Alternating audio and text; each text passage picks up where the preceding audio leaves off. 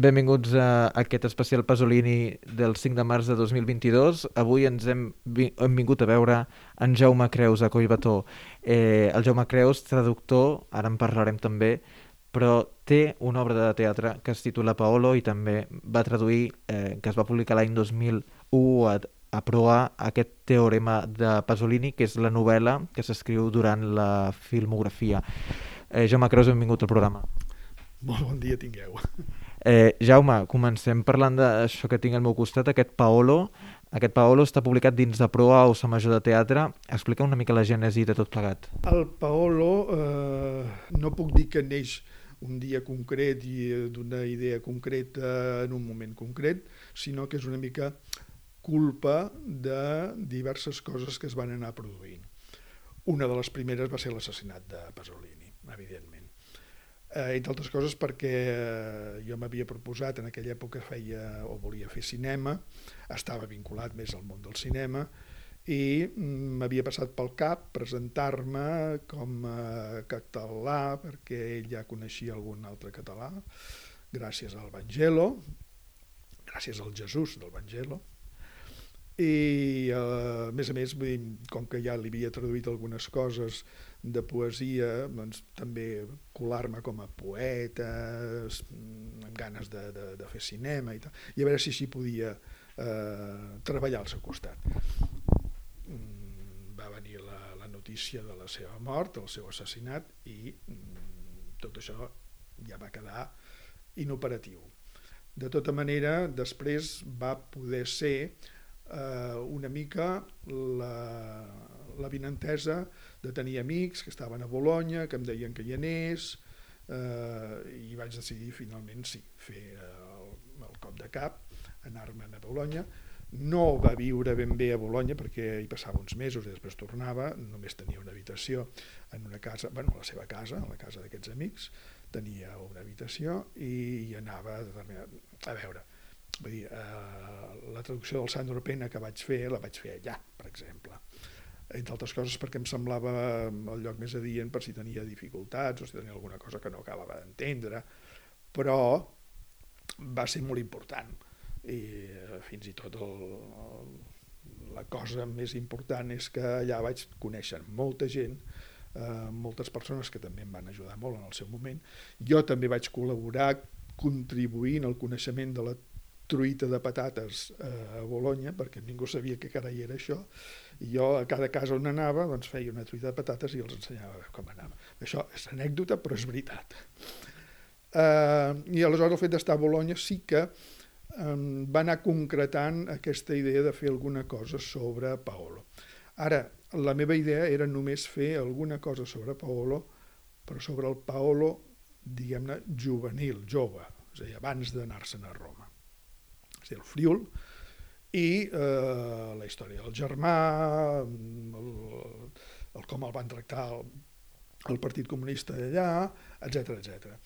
Però, sobretot, mm, donar unes claus per entendre, encara que sigui, perquè també s'ha de dir, el, el vestit en què ho presento és un vestit mm, una mica simbolista, però la, els fets concrets i les converses concretes són bastant reals.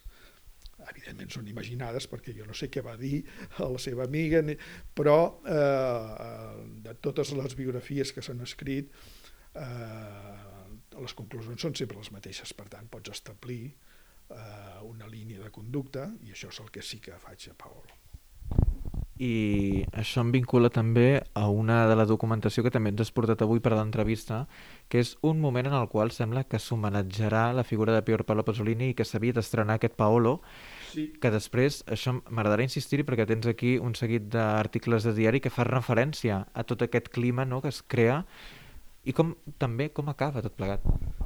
Uh, això mm, potser, uh, clar, ja, ja, ja no sé qui queda que pugui explicar-ho exactament perquè ho va veure exactament amb tota la precisió de tots els passos que hi va haver. Mm, jo m'ho vaig viure una mica des de fora perquè només em van proposar això, però ho portava en principi eh, una gent que eren els mateixos que després em deien d'anar a Bologna, perquè també se'n van anar a Bologna, però aleshores aquí formaven part dels cercles culturals dels països catalans. i eh, aquests mm, em van proposar això, fer aquesta campanya homenatge a Catalunya Pasolini, i es va arribar a escriure als diaris, això era el 86, em sembla, si no ho tinc mal entès, eh, era un moment que teòricament sí que hi havia un, a veure, direm, una bona, un bon feeling per poder fer una cosa d'aquest tipus. Però aquest bon feeling mm, va resultar que no era tan bon feeling, sinó tot el contrari. Es va arribar a dir, eh, això a la premsa, quan es va fer la presentació de tot l'homenatge, que s'estrenaria el Paolo, per exemple, però moltes altres coses, eh? això només era un, cosa molt puntual. Però semblava, i, i teníem bastant coll avall, que sí que s'estrenaria el Paolo. Després mm, se suposa que per eh, el que en deien, el mateix diari deia, mm, vells prejudicis eh, contra els gais, així de, de clar, i avui seria LGTBI-fòbia, doncs eh, no es va tirar endavant. Es va ajornar en un principi i jo després ja no sé si mai es va arribar a fer alguna cosa, suposo que alguna cosa es devia fer perquè tinc algun altre recull on, eh, eh, on es diu que s'ha fet això, que s'ha fet allò, però són coses tan puntuals que no crec que fos un homenatge, eh, diguem-ne, vinculat, eh, estructurat i amb tots els ets i uns. Presentació oficial no crec que n'hi hagués mai. Això també eh, em fa pensar no, amb la única traducció que hi ha a la llengua catalana d'aquesta novel·la, que és Teorema, és una novel·la bastant especial perquè els italians no la consideren com a novel·la, s'escriu eh, a la vegada que es publica la pel·lícula, però no és la transcripció de la pel·lícula, ni la pel·lícula és la transcripció posada en escena del que hi ha aquí. Quin record tens de que se t'encarregués aquesta traducció i de l'elaboració també de la traducció? Um, de fet, no és un encàrrec, era una proposta meva. Uh, el que passa que els va fer molta gràcia perquè sí que Teorema és una mica emblemàtica del, del Pasolini que ens podem empassar ho dic perquè a Saló molta gent, bueno, molta gent, moltíssima gent no se'l podien passar, però teorema sí, i no deixa de ser un teorema, per tant, mm, ah, tenia un cert pedigrí, no? A mi qualsevol cosa, qualsevol altra literatura escrita pel Pasolini m'interessava, fins i tot en algun moment m'interessaven més fins els articles d'opinió, els llibres, diguem-ne, contundents contra la situació política a Itàlia, això m'interessava molt. La poesia, mm, hi ha llibres que m'agraden molt, hi ha llibres que em semblen més fluixos, no perquè eh, el que se li té d'alguna vegada, perquè eh, no pots escriure poesia parlant de, de, del manifest comunista. I, qui ho diu que no? I ell, ell ho feia també. I alguna vegada, quan vaig escriure el, el poemari de Bòsnia, no feia això, però el poemari de Bòsnia era molt contundent. Ara en tinc un altre fet que també no vol ningú perquè és massa fort, suposo, que es diu Manual d'Inhumanitats, que és el que estem vivint aquests dies, però el que estem vivint de fa no sé quants anys, eh? Vull dir, no només d'aquests dies.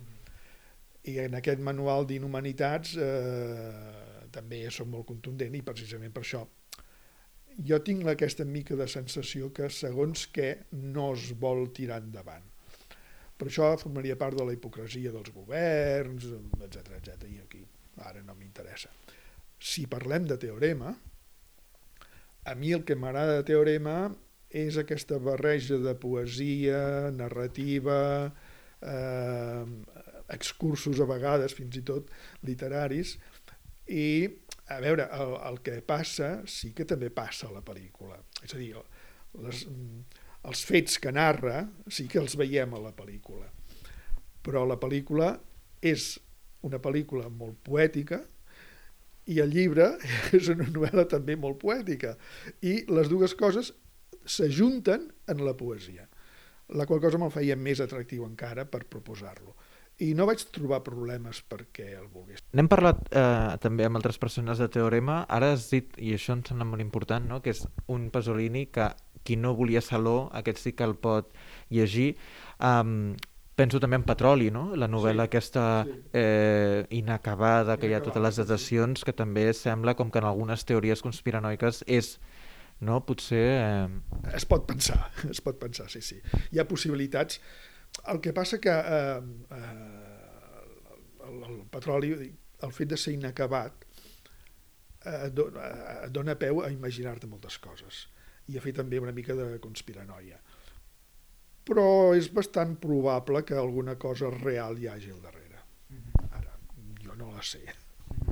Um, en la recepció a, a Catalunya és particular, l'hem vist present en els escenaris, no? s'ha reproduït, ara per exemple els espectadors poden veure aquest de Camaró que va fer el Te- Teatre Nacional no fa gaire, fa exactament diria un any, en el qual hi havia un seguit de monòlegs que feien referència a Pasolini, també s'havia fet una adaptació o digue-li una lectura personal que en parla el Davide que l'hem convidat també en aquest especial, per tant, no? Òrgia també s'havia muntat pel Xavier Albertí, digues. I, no, no, i, i per Xile.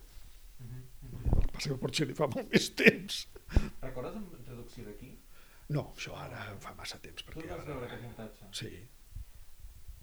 I és molt interessant. Eh? És a dir, aquí, eh, en algun moment, vam obrir els ulls, no només a Pasolini, que ja per la filmoteca ja coneixíem Pasolini. És a dir, els que ja als 70 ja freqüentàvem la filmoteca coneixíem molt bé Pasolini, ja havíem vist tot el Pasolini fins en aquell moment, perquè Saló encara no havia arribat, però eh, una cosa és conèixer-lo a través, diguem-ne, del seu cinema, i una altra cosa és la recepció de la seva obra literària. I això sí que va trigar més. Va venir més per la via del teatre que per la via de la poesia, per exemple, tot i que hi havia puntualment gent que feia coses i publicava en una revista, un poema aquí, un poema allà. Però no era una descoberta del Pasolini. I quan es va descobrir més va ser mm, per la traducció al castellà de molts llibres d'articles del Pasolini. Per aquesta banda sí que va venir una mica més ràpid. Suposo perquè hi havia interessos polítics al darrere. Eh? Uh, per acabar aquesta primera entrevista uh, parlant de Pier Paolo Pasolini, jo no sé si t'animaries a llegir un petit fragment. Si, si ho dic perquè hi ha un potser que és per mi capdalt, eh? també en la lectura i també en el nucli ideològic, que és aquest apèndix de la primera part, que és aquest set de mort, que um, podríem llegir només una part que acaba fent la referència aquesta de diferent. No sé Sí. si podríem llegir, per exemple, vaja, des d'on et vulguis animar, no? Fins al I diferent. fins al diferent, que crec que té un punt de nucli ideològic important. El poema és llarg, eh? Bueno, són uns quants poemes, eh? Sí. Set de mort. He quedat destruït, o si més no transformat, fins al punt de no reconèixer-me, perquè en mi s'ha destruït la llei que, fins a aquest moment, m'havia fet germà dels altres. Un noi normal, o almenys no anormal, o anormal com tots, encara que és necessari dir-ho, curull de tots els errors que la meva classe i el meu nivell social dins d'aquesta porta aparellats i que de totes maneres el privilegi rescabala. No obstant això, jo abans que entressis en la meva vida, posant-la en discussió i transformant-la en un munt d'enderrocs, era com tots els meus companys. És, doncs, a través de la destrucció de tot això que em feia igual als altres, que esdevinc ara, cosa inaudita i inacceptable, un diferent. Moltíssimes gràcies, Jaume. No de res a vosaltres.